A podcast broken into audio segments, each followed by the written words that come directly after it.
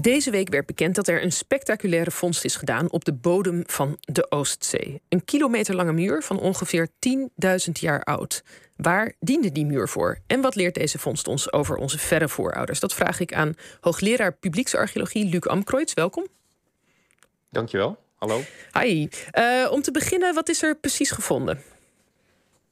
Nou, er is uh, onder water dus op inderdaad zo'n 20 meter diepte een, uh, een stenen muur gevonden die, die bijna een kilometer lang is. En die bestaat, ze hebben het kunnen tellen, uit zo'n 1673 stenen. En dat is natuurlijk uh, ja, best bijzonder dat je dat op zo'n diepte in een, in een rechte lijn vindt.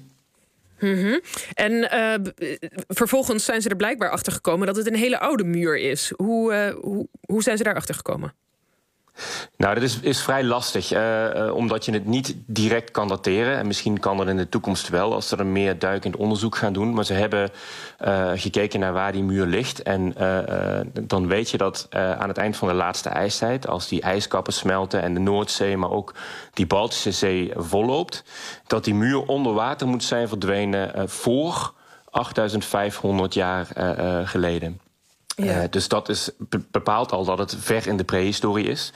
En ze denken dat die muur ook uh, naast een meer gelegen heeft. En dat meer dat heeft dat tot ongeveer uh, zo'n 9.500 jaar geleden. En dit is zo'n 11.000 jaar geleden ontstaan. Dus in die hoek, in die, die tijdspanne moet je eigenlijk die muur zoeken. Ja, en weten we ook waar hij voor diende, die muur? Ja, dat is natuurlijk. Uh, het knappe aan het artikel is dat ze eigenlijk uh, eerst heel veel andere dingen hebben uitgesloten. Ze, hebben, ze zijn nagegaan of die, of die stenen op een natuurlijke manier in een rechte lijn daar terecht zijn gekomen. Door bijvoorbeeld uh, gletsjers, door, door waterstromen, door kustlijnen. Dat hebben ze allemaal kunnen uitsluiten. Ze hebben ook kunnen uitsluiten dat die later dus is aangelegd toen er al water was. ja, en dan, dan heb je dus te maken met een structuur gemaakt door, door jaren verzamelaars, heel lang geleden. Ja, en dat is een rechte lijn. En dan ga je denken, ja, waar kan zoiets zo dienen? dit is waarschijnlijk niet om een gebied af te bakenen geweest. Want het is, het is een rechte lijn. Het ligt op een markante plek uh, op de bodem van die Oostzee. Eigenlijk op een hogere rug in het landschap, maar dan net op de flank. En aan de andere kant ligt, ligt dat meer.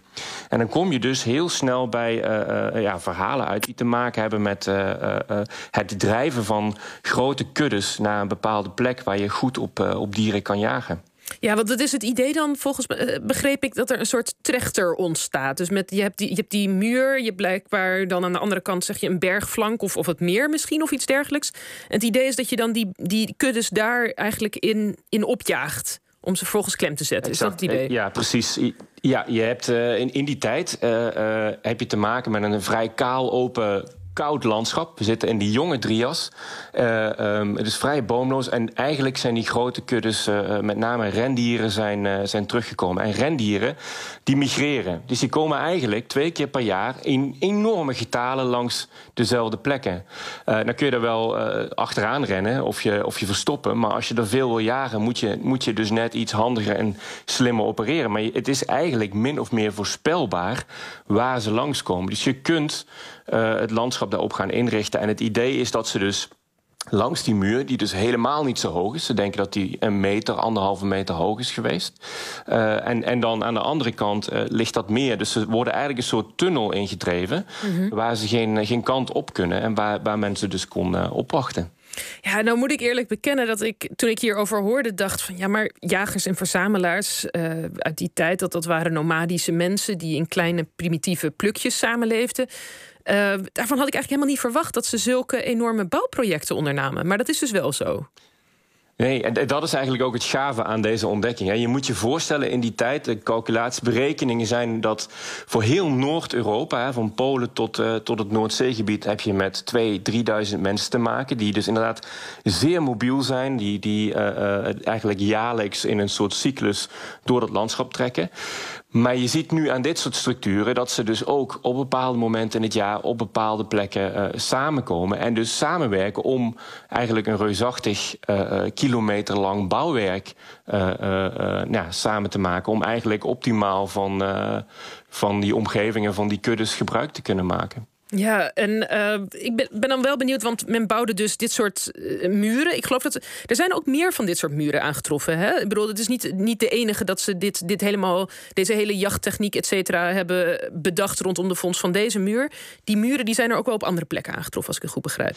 Die zijn er zeker op andere plekken, maar voor Europa is het vrij zeldzaam. Kijk, mm -hmm. op, op het land, dus niet onder water, uh, ja, zijn dit soort structuren vrijwel al lang verdwenen, overbouwd, verstoord. Ook in de zee door uh, grondstofwinning, noem maar op. Um, maar bijvoorbeeld in de, in de woestijn in, in Jordanië heb je zogenaamde uh, desert kites. Mm -hmm. uh, die blijken ook inderdaad ongeveer in diezelfde tijd te dateren. En ook bijvoorbeeld voor de jacht op gazellen gebruikt. En een heel goed vergelijkbare structuur ligt dus onder water in het, in het Huronmeer. Een van die grote meren in, in Noord-Amerika. En die heeft waarschijnlijk gediend voor de, voor de jacht op kariboe. Dus je ziet dat hoogmobiele jagerverzamelaars uh, in staat zijn om toch uh, door samenwerking, door uh, planning, complexe structuren te maken. en dus eigenlijk bewust bezig zijn met hun, hun landschap in te richten. En dat is iets wat we eigenlijk normaal toedichten aan, nou ja, aan boerensamenleving en alles wat daarna komt. Hè. Je richt je omgeving in, je blijft op één plek. Maar nu zie je dat jagerverzamelaars dat eigenlijk ook doen. En dat ze dus een vrij complexe uh, sociale structuur gehad hebben die dat dus uh, mogelijk, uh, mogelijk heeft gemaakt. Ja, fascinerend. Tot slot, er wordt nog meer onderzoek gedaan in dit gebied. wat verwacht of hoop je dat er gevonden wordt?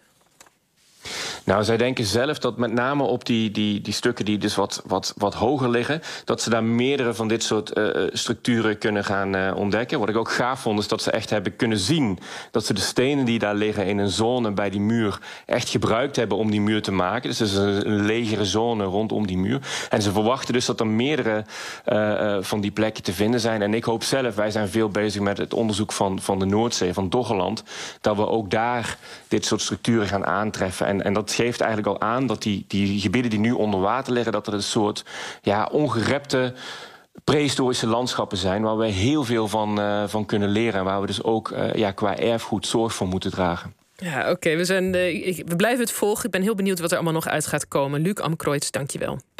OVT. Een programma